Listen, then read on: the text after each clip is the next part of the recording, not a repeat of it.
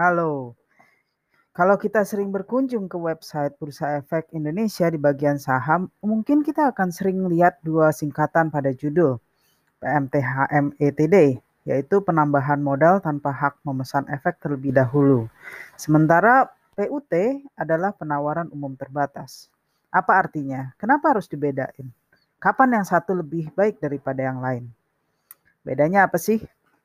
Setelah penawaran umum perdana atau initial public offering yang sering disingkat IPO, sebuah perusahaan berubah jadi perusahaan terbuka.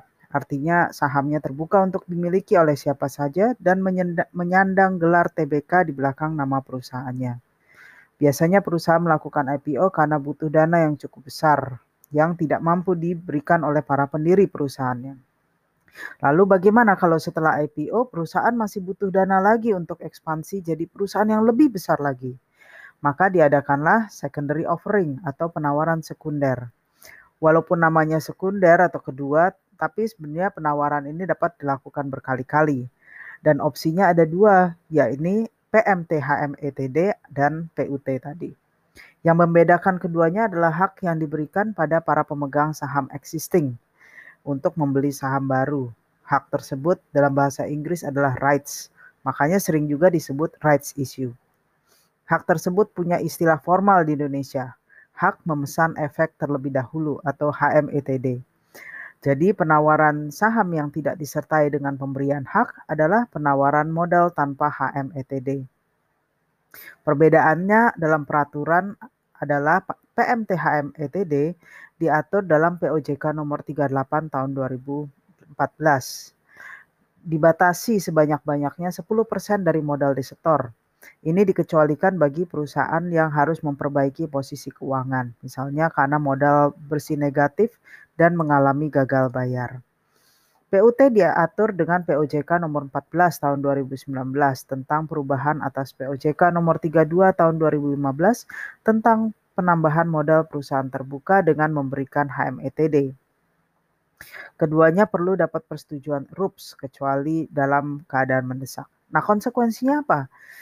Perbedaannya adalah dilusi. Dilusi yaitu penurunan persentase kepemilikan saham yang terjadi karena bertambahnya jumlah saham total sedangkan investor yang bersangkutan tidak ikut membeli penerbitan saham baru tersebut. Contohnya, PT ABC awalnya punya 1 juta lembar. Investor X punya 10% atau 100 ribu lembar. Lalu PT ABC menerbitkan saham baru sebanyak 500 ribu lembar sehingga total sahamnya jadi 1 juta 500 ribu. Investor X tidak beli saham baru itu sehingga kepemilikannya tetap sebanyak 100 ribu.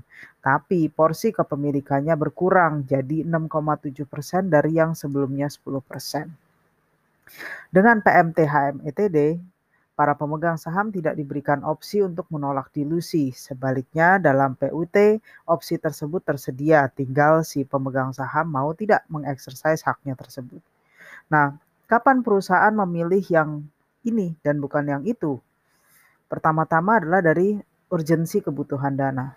Kalau dana yang dibutuhkan itu harus di jalan dibutuhkan dalam waktu cepat, maka PMT HMT ETD yang dipilih. Soalnya PUT itu memakan waktu lama. PUT hampir bisa dikatakan jadi IPO kedua karena proses penawarannya sama dengan IPO. Sementara PMT HMETD setelah disetujui RUPS hanya perlu perlaporan pada OJK dan Bursa Efek. Kedua, jumlah dana yang dibutuhkan. Kalau dana yang dibutuhkan hanya 10%, pasti perusahaan akan pilih PMTHM ETD karena biaya PUT itu besar. Jangan sampai besar pasak daripada tiang ya.